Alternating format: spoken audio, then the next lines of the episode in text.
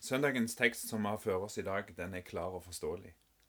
Jesus han utfordrer oss ikke bare til religiøs refleksjon, men han setter oss på valg. Du som sitter der, og jeg som står her, og alle vi som møter denne teksten, vi møter Jesus. Han ser oss inn i øynene, og så setter han oss på valg. La oss lese teksten i lag før vi får en disposisjon over talen i dag. Den finner vi i Matteus kapittel 16, vers 24-27. Samme gangen sa Jesus til lærsveinene, Vil noen følge etter meg, må han si nei til seg sjøl, ta krossen sin opp og følge meg. For den som vil berge livet sitt, skal miste det, men den som mister livet sitt for mi skyld, skal finne det. Hva gagner det et menneske om det vinner hele verden, men taper sin sjel? Eller hva kan et menneske gi til vederlag for sin sjel?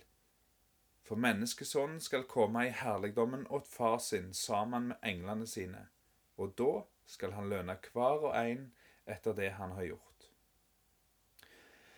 Når vi skal prøve å gå inn i denne teksten og Jesu ord til oss, så skal vi gjøre det under tre overskrifter.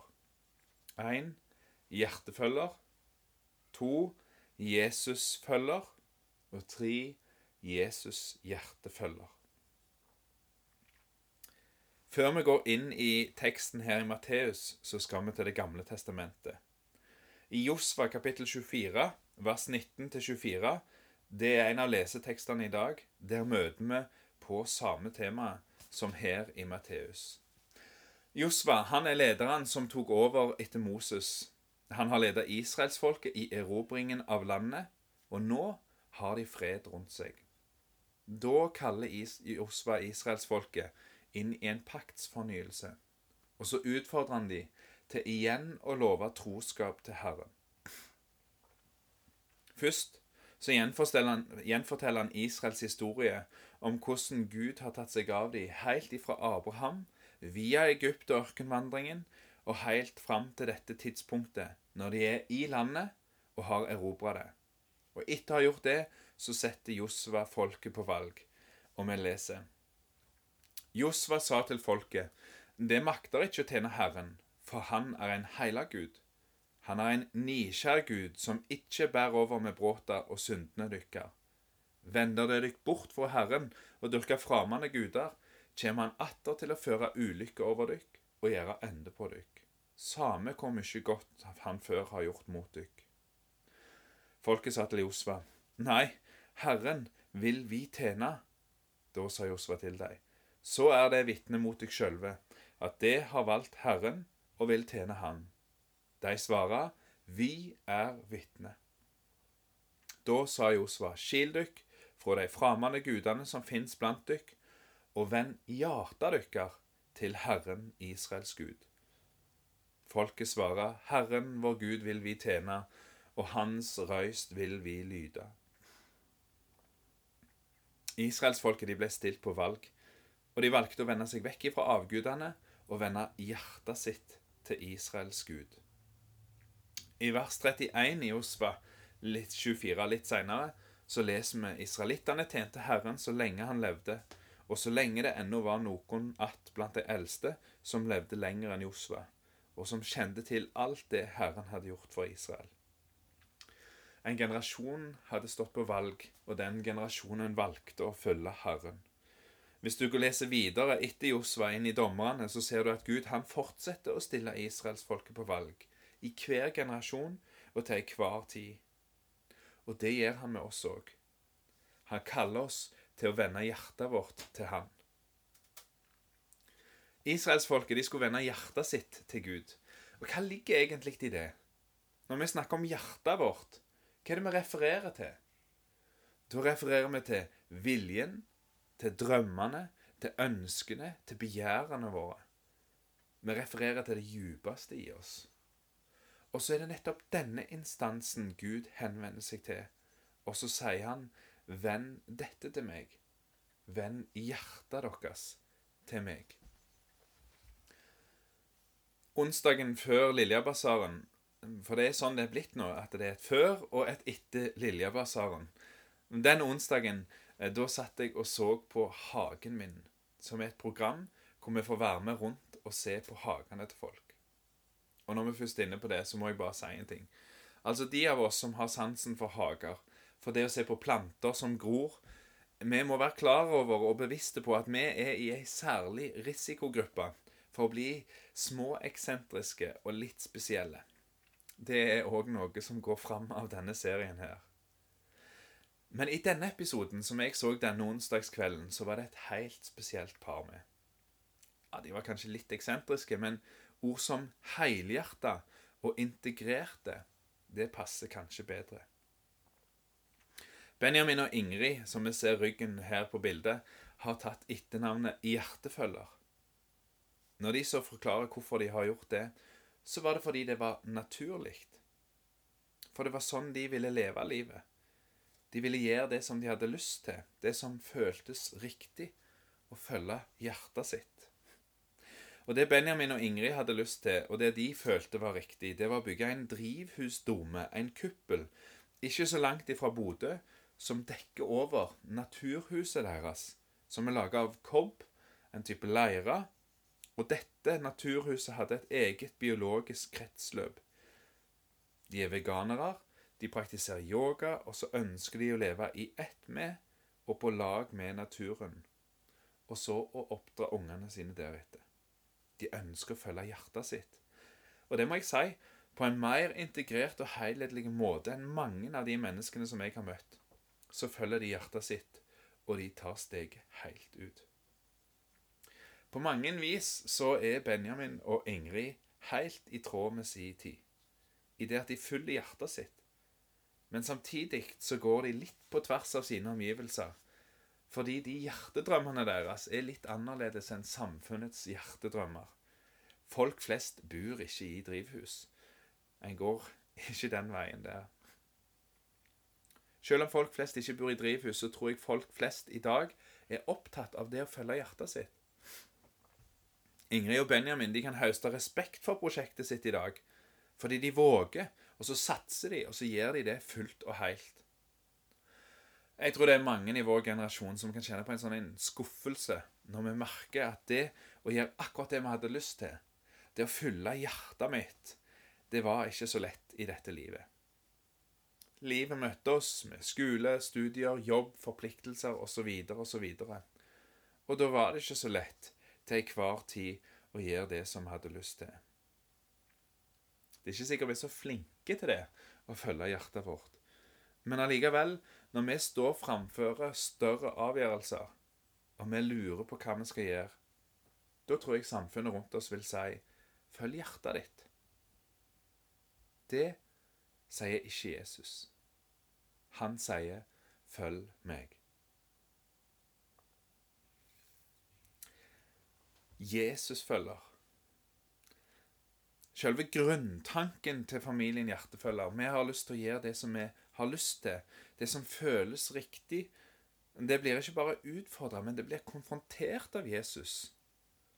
Jesus han utfordrer deg til å si nei til deg sjøl, til ditt hjerte, og til å følge Han. Han sier at det å følge Han, det innebærer å ta opp sitt kors. Det handler om å finne livet ved å miste det og det handler om å redde sin sjel. Det å være en hjertefølger, det består av nettopp dette å ta opp sitt kors. En Jesusfølger, det består av nettopp dette å ta opp sitt kors, å finne livet ved å miste det, og om å ikke tape sin sjel. La oss begynne med dette siste. Hva gagner det et menneske om det vinner hele verden, men taper sin sjel? Eller hva kan et menneske gi til vederlag for sin sjel? Hva er det Jesus prøver å si her? Jo, hvorfor følge Jesus? Fordi det er livreddende medisin. Det berger deg for evigheten.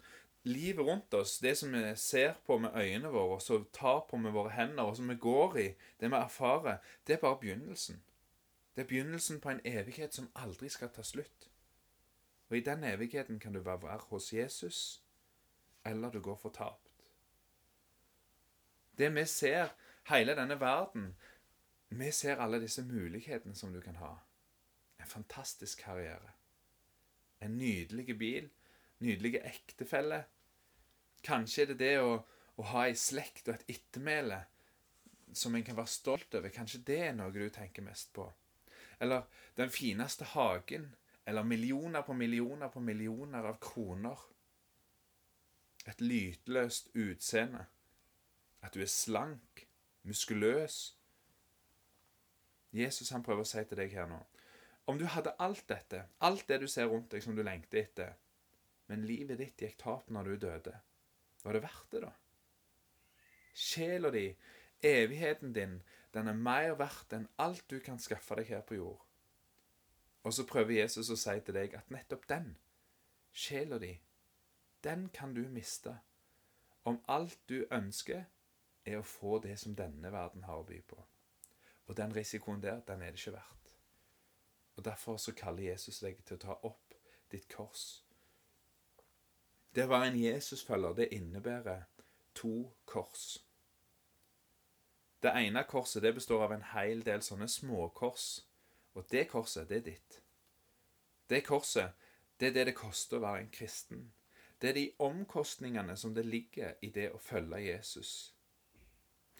Alle vi som sitter her inne, og som har sagt at vi ønsker å følge Jesus, vi har hvert vårt kors, som består av disse små.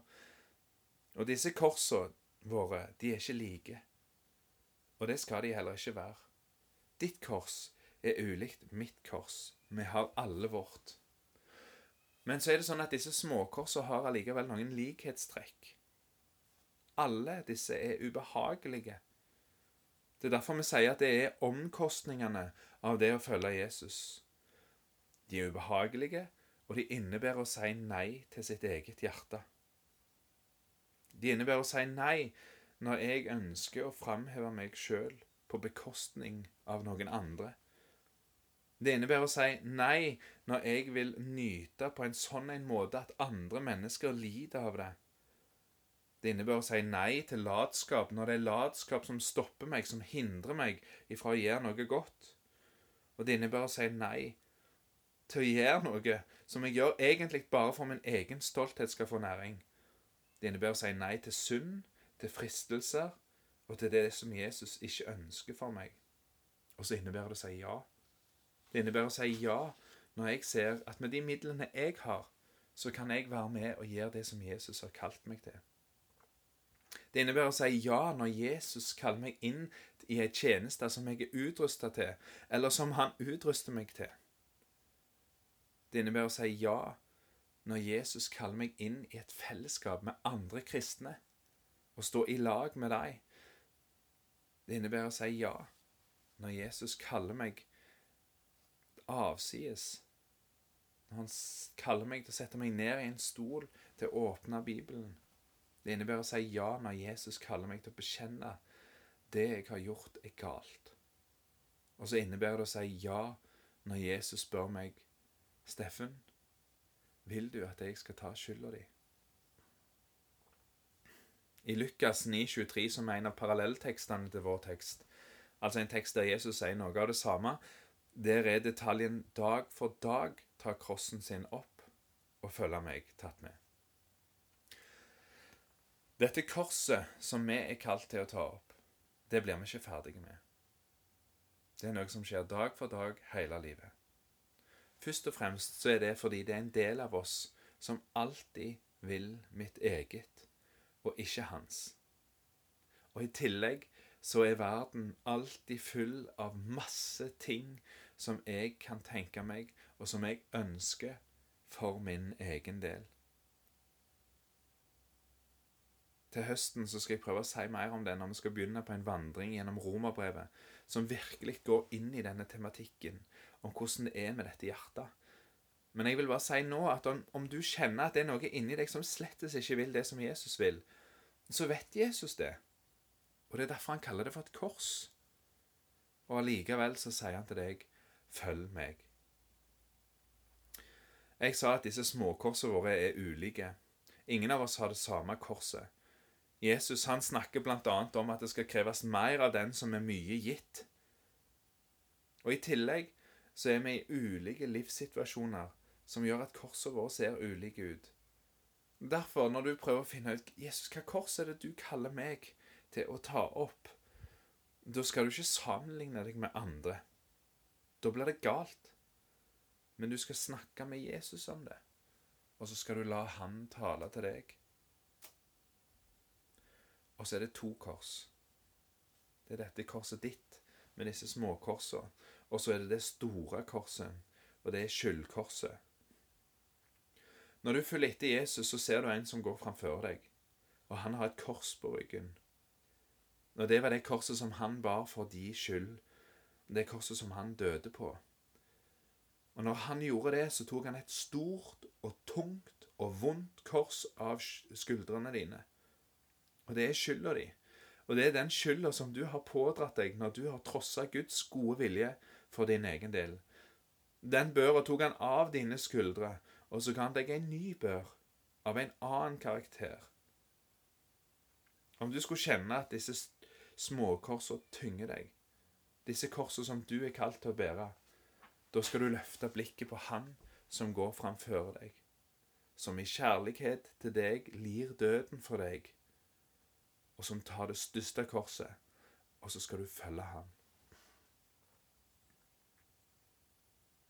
Jesus han kaller oss til å vende vårt hjerte til Han, til at Hans vilje får bestemme i vårt liv.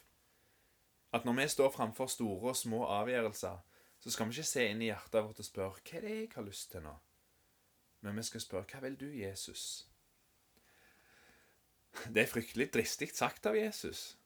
Hvis du kom til meg, og så sa du Det er en som kom til meg, og så sa han at eh, jeg skulle fornekte meg sjøl. De tingene som jeg hadde lyst til, det skulle jeg ikke gjøre. Men jeg skulle bare gjøre det som han ville jeg skulle gjøre. Da ville jeg i de fleste tilfeller sagt det, Du skal ikke høre på han. Det der er ikke sunt. Du må komme deg vekk ifra det mennesket der. Men det er annerledes med Jesus, og det er fordi han er den han er. Han er Jesus Kristus, Guds evige sønn. Han er veien, sannheten og livet. Han har skapt deg, han har frelst deg, og han har kalt deg til et liv som er det gode. Ta for deg Det nye testamentet. Begynn i Matteus, og så leser du gjennom evangelietekstene. Les om han. Se hvem han er. Jesus han er trygghet, han er omsorg, han er kjærlighet, og han er god. Når du ser hva han sier, og hva han gjør, så vil du se at han, han, han er det verdt å legge livet sitt i hendene på. Det er ingen andre jeg heller vil legge livet mitt, eller ungene mine sitt liv, i hendene på enn han.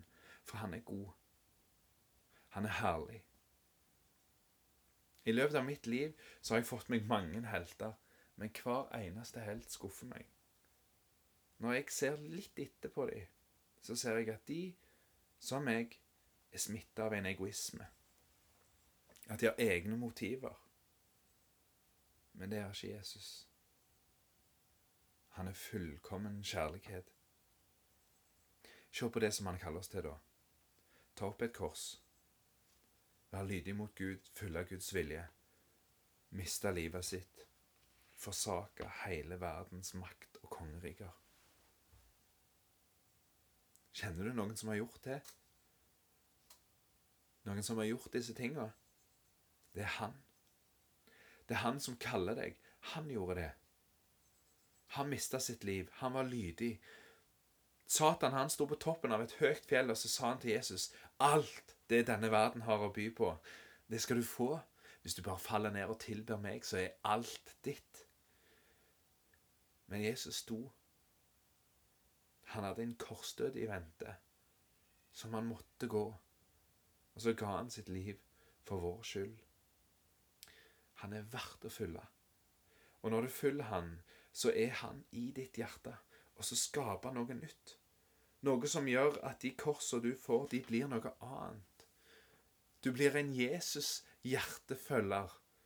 Det er født noe nytt i deg som lengter etter hans gode vilje. Jesus er der. Og plutselig så får du fylle hjertet ditt igjen. Plutselig så får du fylle Han som er i ditt hjerte. Det hjertet som er preget av Han. Og Da kan det være at du bor i en drivhusdome ut forbi Bodø. Men du lever etter det som Han kaller deg til. Jesus' hjertefølger. Jeg vil så gjerne avslutte med noe praktisk. Nå nærmer vi oss sommeren, og, um, og, jeg har lyst til at vi skal stoppe opp med noe som kan uh, hjelpe oss i vandringen i det å være en Jesus' hjertefølger. Tre punkter. Det første gjør hjertet mjukt. Andre gjør det konkret. Det tredje se på Han hele tida. Det å gjøre hjertet mjukt, det var det vi innleda dette semesteret med. Det er å ydmyke seg for Han. Det er å gi Han plass. Det er å åpne opp og la Han få rom til å tale inn i livet ditt og kalle deg til det Han hadde tenkt deg for. Hvis du ber Salme 139, vers 23-24, så har du en konkret måte å gjør hjertet ditt mjukt på. En annen måte å gjøre det helt konkret, det er å komme han i forkjøpet. Min erfaring når jeg sier 'Jeg forsaker djevelen og alle hans gjerninger og alt hans vesen' om morgenen i mitt andaktsliv, da begynner jeg dagen med å si 'Jesus, jeg vil følge deg'. Jeg vil ikke følge det vonde, om det så kommer fra mitt eget hjerte. Om ikke annet så er jeg ganske blottlagt når jeg seinere den dagen oppdager at jeg slettes ikke har forsagt meg sjøl. Og så får jeg gå til Han, og så får jeg erkjenne det. At jeg gjorde det ikke. Og be Han om tilgivelse. Og så følger jeg Han i det Han har kalt meg til når jeg gjør det. Og så er det sånn at andre ganger så kan det hjelpe meg å stå i fristelsen. Nei, Steffen, dette sa du nei til i dag morges. Gjør det konkret. Og det siste, se på Jesus. Les om han, studer han, se på hva han har sagt. Stopp opp med fortellingene om han. Hvis disippelskap og det å leve et hellig liv blir kobla ifra det å følge Han og se på Jesus, frelseren din, da ender du opp med et sjølrealiseringsprosjekt. Og det vil være tungt, og det vil knekke ryggen din, og det har du aldri blitt kalt til. Se på Jesus og hvordan han er god og følge Han. Jeg har lyst til å avslutte med et vers som eh, jeg syns oppsummerer noe av disse to korsene som Jesus kaller oss til. Og så skal vi slutte der. Ved ditt kors, å du Guds lam, la meg alltid være. Og i lyset fra ditt kors, lær meg mitt å bære.